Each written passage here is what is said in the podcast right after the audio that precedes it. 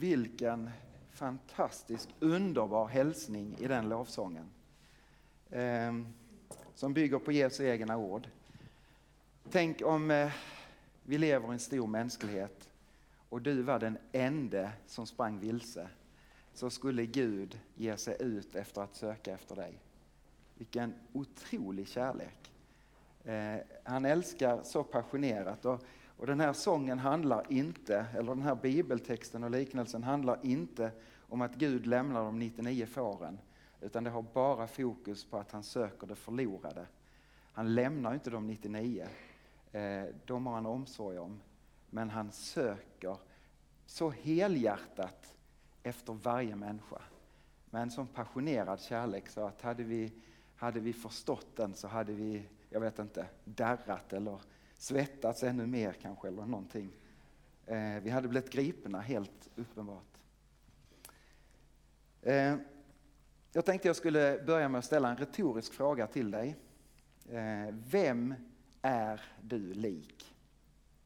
Vem är du lik?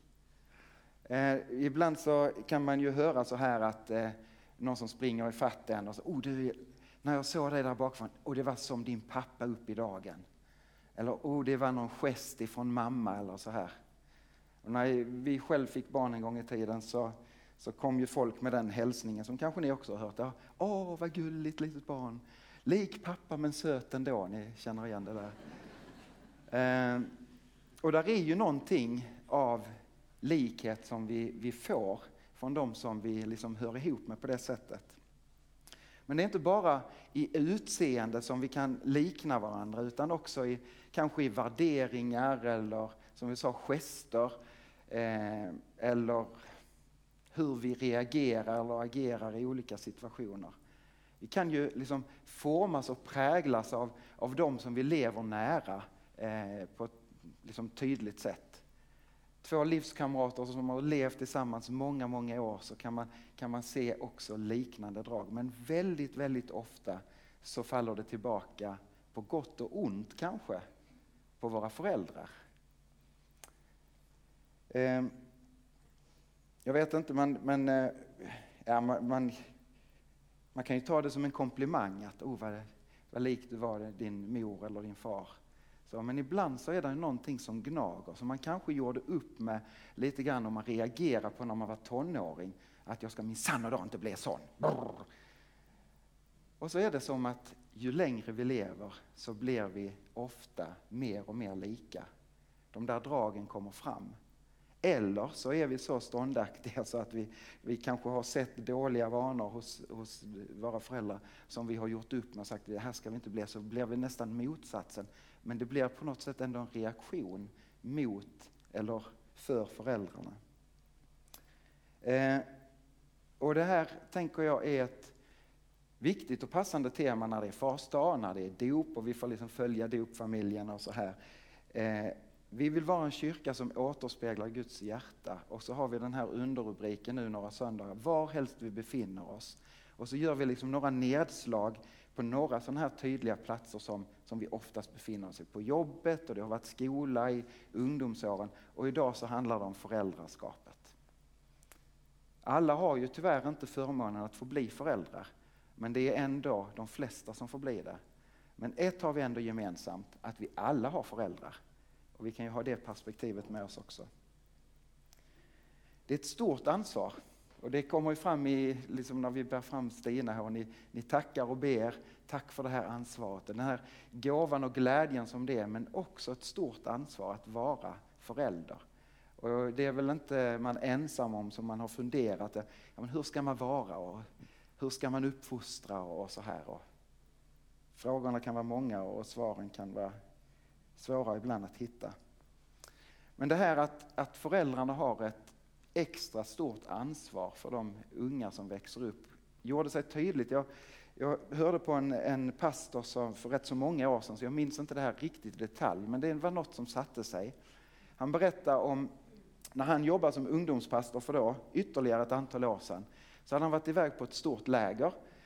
Och så hade han tänkt, de hade haft någon undervisning där som mynnade ut att man gjorde en liten sån här undersökning bland ungdomarna. Vem eller vilka har haft störst inverkan i era liv? Och det var kanske utifrån ett andligt plan, eller det, det, vet, det känner jag inte till så väl. Men, eh, och, och så berättar den här pastorn att han hade gått med en viss förväntan, Undras var man kommer liksom så. Men han kom inte på första plats. Utan helt supertydligt i den lilla undersökningen, jag tror den skulle komma igen på många ställen, det var mamma. Mamma kom på första plats. Då ska jag trösta er fäder så här på fars dag, att ni kan ändå lite så, vi kom ändå på en bra andra plats i den här undersökningen. Sen så kom mormor och morfar och farmor och farfar och sen kom det vänner och så kom det ytterligare någon annan. Och långt där nere kom ungdomspastorn. Så. Det, det, var, det var ändå lite bra för mig att liksom ödmjuka sig. Med det vill jag inte ha sagt att, att alla de fantastiska ledare, till exempel som vi har här i kyrkan, jättemånga fina barn och ungdomsledare som helt garanterat gör stora avtryck i barnen. Jag minns fortfarande med varmt hjärta en av mina söndagsskolledare från Ausus missionshus för ja, snart tusen år sedan. Det var i alla fall ett annat årtusende. Eh, Siri Jönsson. När hon satt, nu orkar hon inte komma till kyrkan hit så ofta, men hon är med oss i, i bönen så mycket och vi får mötas på bönens bro. Men när hon satte upp sina flanellografgrejer där, jag minns det som, som om det var igår. Det gjorde avtryck i mitt liv, verkligen. Ehm, så det ska vi inte se ner på. Men det absolut största ansvaret för våra barn, vilka avtryck vi gör, det ligger inte på skolan och det ligger inte på kyrkan, utan det ligger i föräldraskapet. En otroligt stor gåva som vi har. Och det kan man liksom bara, nej vad jobbigt, kunde jag inte slippa det? Nej, vi gör inte det. På gott och ont så får vi leva våra liv där och på något sätt önska att kan jag få återspegla någonting av också vem Gud är gentemot våra barn. Barns utveckling är också intressant att fundera på. Det här liksom Stina, det blir så extra tydligt med de här små som kommer ut där plötsligt. Eller plötsligt, förlåt alla kvinnor, men så kan vi uppleva det vi män. Eh, de är så totalt beroende av föräldrarna, av andra runt omkring. De ropar till eh, lite nätt på natten och så säger de jag är hungrig, byta på mig eller vad det nu är. Men de är så beroende.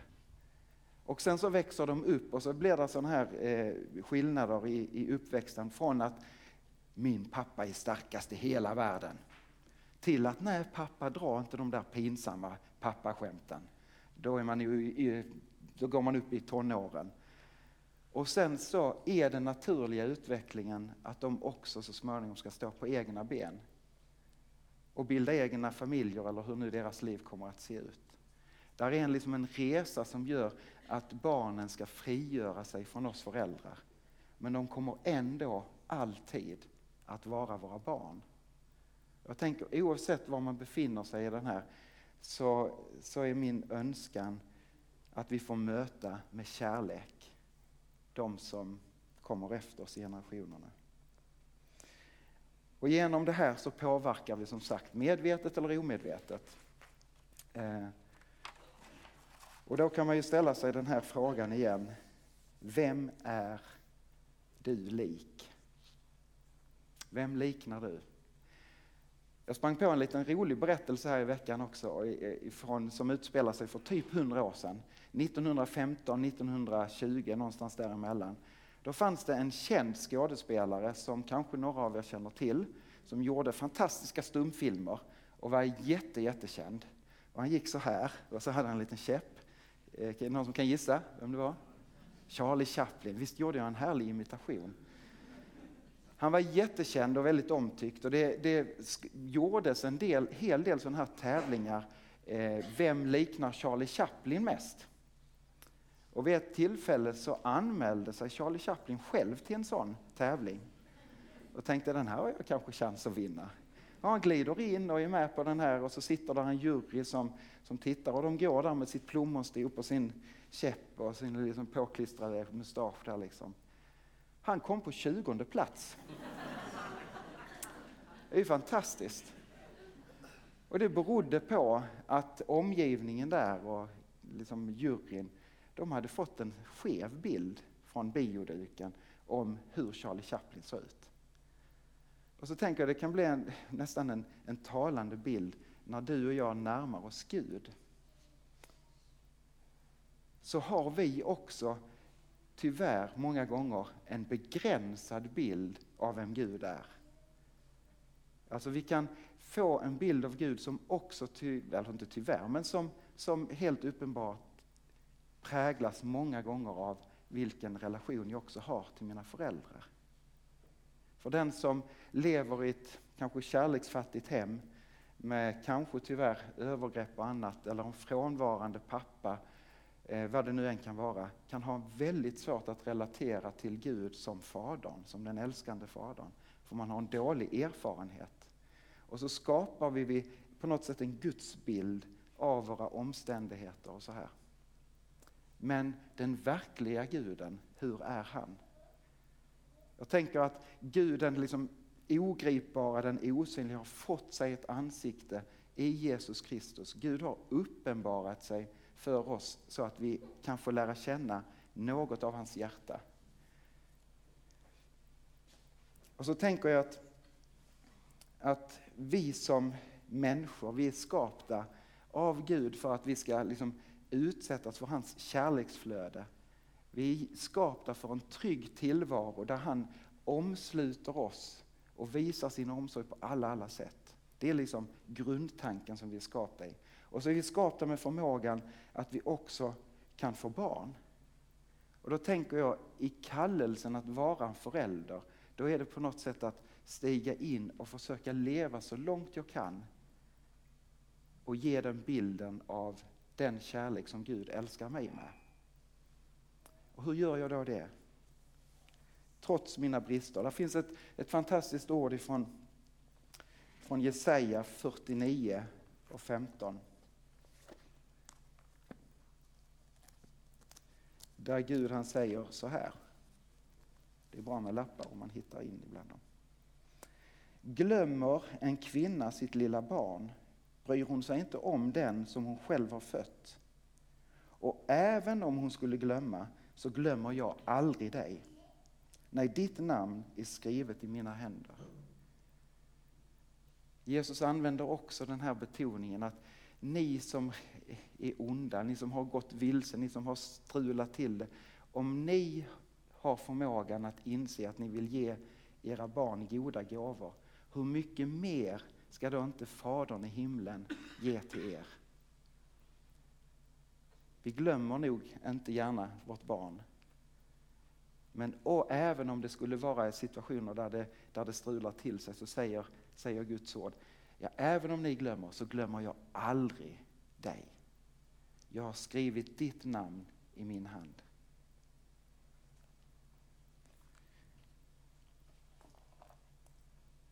Vad kan man då ta till sig för råd i ett föräldraskap? Man skulle kunna ha en föreläsning om det här och vi skulle kunna lyssna på varandra och ge varandra tips. Men det absolut mest grundläggande och det viktigaste tror jag är att själv leva i barnaskapet i förhållande till Fadern. Att leva som det nyfödda barnet av ett beroende och säga, jag behöver dig Gud i mitt liv. Jag behöver utsätta mig själv för din kärlek. Jag behöver leva i det här flödet för att det flödet ska kunna gå vidare. Och att jag ska kunna älska mina barn eller de jag har i min omgivning på ett renare och helare och rättare sätt. För vi har ett löfte om att vi är barn till Gud själv. Romarbrevet 8 så skriver Paulus om att vi har fått en fantastisk ande i oss. Ni har fått en ande som ni har inte fått en ande som gör er till slavar så att ni måste leva i fruktan igen. Ni har fått en ande som ger söners rätt så att vi kan ropa Abba fader. Anden själv vittnar tillsammans med vår ande om att vi är Guds barn. Tänk att få vara ett Guds barn. med, med någonstans en, en tro och en vetskap om att vi har en far i himlen som älskar oss med det mest intensiva modershjärtat som, som klappar i tillvaron. Och så skriver Paulus vidare i ett annat brev i Efeserbrevet. Ta alltså Gud till föredöme som hans älskade barn. Lev i kärlek så som Kristus har älskat oss. Lev i kärlek så som Kristus har älskat oss. Jag kan älska för att han först älskade mig. Det läser vi först och främst i, i förhållande till Gud. Jag kan älska honom för att han först älskade mig. Men jag kan också få plocka ner det i mitt, mitt liksom mellanmänskliga relation. Jag kan, jag kan älska bättre för att han först älskade mig. Det är någonstans att ropa. Lär mig att älska min käraste ännu mer. Det är inget svaghetstecken att gå till den här källan och be om mer kärlek.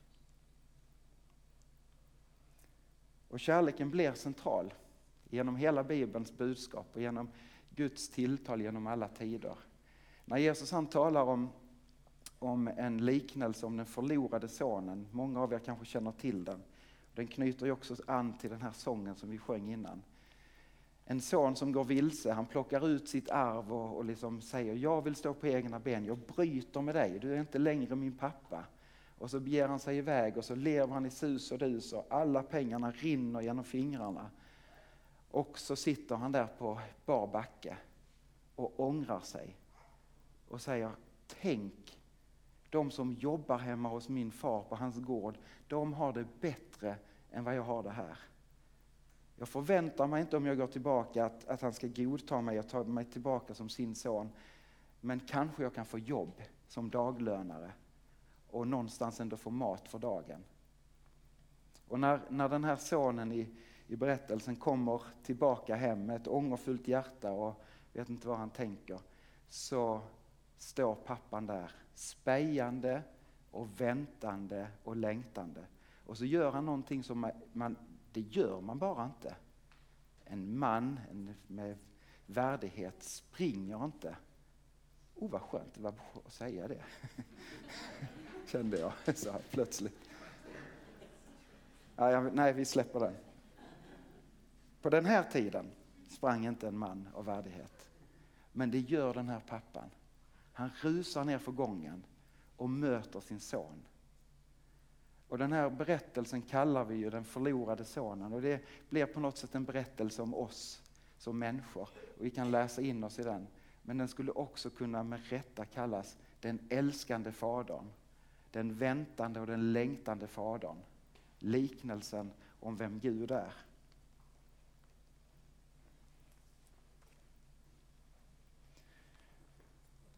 Är det någon av er som är föräldrar som någon gång har, har känt så här.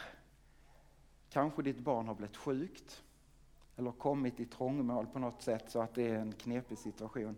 Är det någon som någon gång har tänkt så här, tänk om jag kunde byta plats?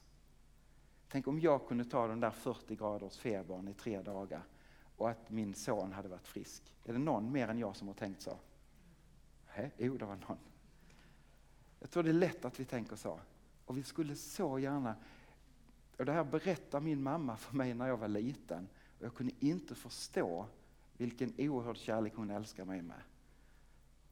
Och min pappa också naturligtvis. Men, men jag minns tillfällen där, där mamma hon sa, vänta till du får egna barn, så ska du se. Alltså, hon sa många gånger, jag hade så gärna bytt med dig. Men det går inte. Vi lever våra liv. Och det är smärtsamt som förälder ibland att se att jag önskar ju något annat för mitt barn. Och så kan jag bara stå kvar på avstånd lite grann men ändå med, med närhet och omfamn. Men jag kan inte byta, men jag kan vara där och be, och jag kan visa min omsorg, jag kan älska genom allt. Men det kan vara väldigt, väldigt smärtsamt. Men då är det så underbart att få tänka att Gud är en sån far som faktiskt kan byta plats med dig och mig. Han har gjort det med, över en hel mänsklighet men också på ett så personligt sätt så att du kan ta till dig det alldeles själv. Han gjorde det för min skull. Han dog på korset för min skull. Och som profeten Jesaja säger, eller Gud säger genom profeten, att det var våra sjukdomar han bar. Det var mina smärtor som han la på sig själv. Eller våra smärtor som han la på sig själv. Ett avslutande bibelord ifrån Kolosserbrevet.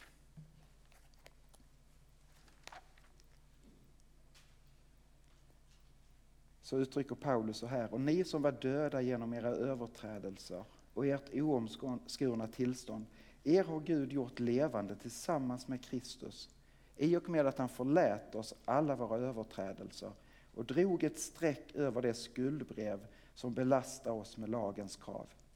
Han har utplånat det genom att spika det på korset.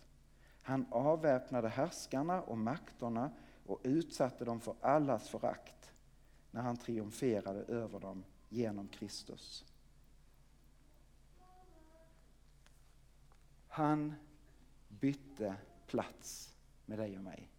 Han tog din och min död och så ger han oss sitt liv. Det är det som gör att vi kan leva i evigheten tillsammans med Gud. Och detta att få någonstans leva i den, i den tron, vad Gud har gjort för dig och för mig. Hur mycket Jesus älskar dig, att Herren har omsorg om hela ditt liv. Att låta det få prägla vem jag är. Att det får prägla mig, vem jag är som förälder, som medmänniska och som barn till Gud själv. Där får jag ta emot förlåtelsen och så får jag leva ut den och ge den vidare till dem jag möter.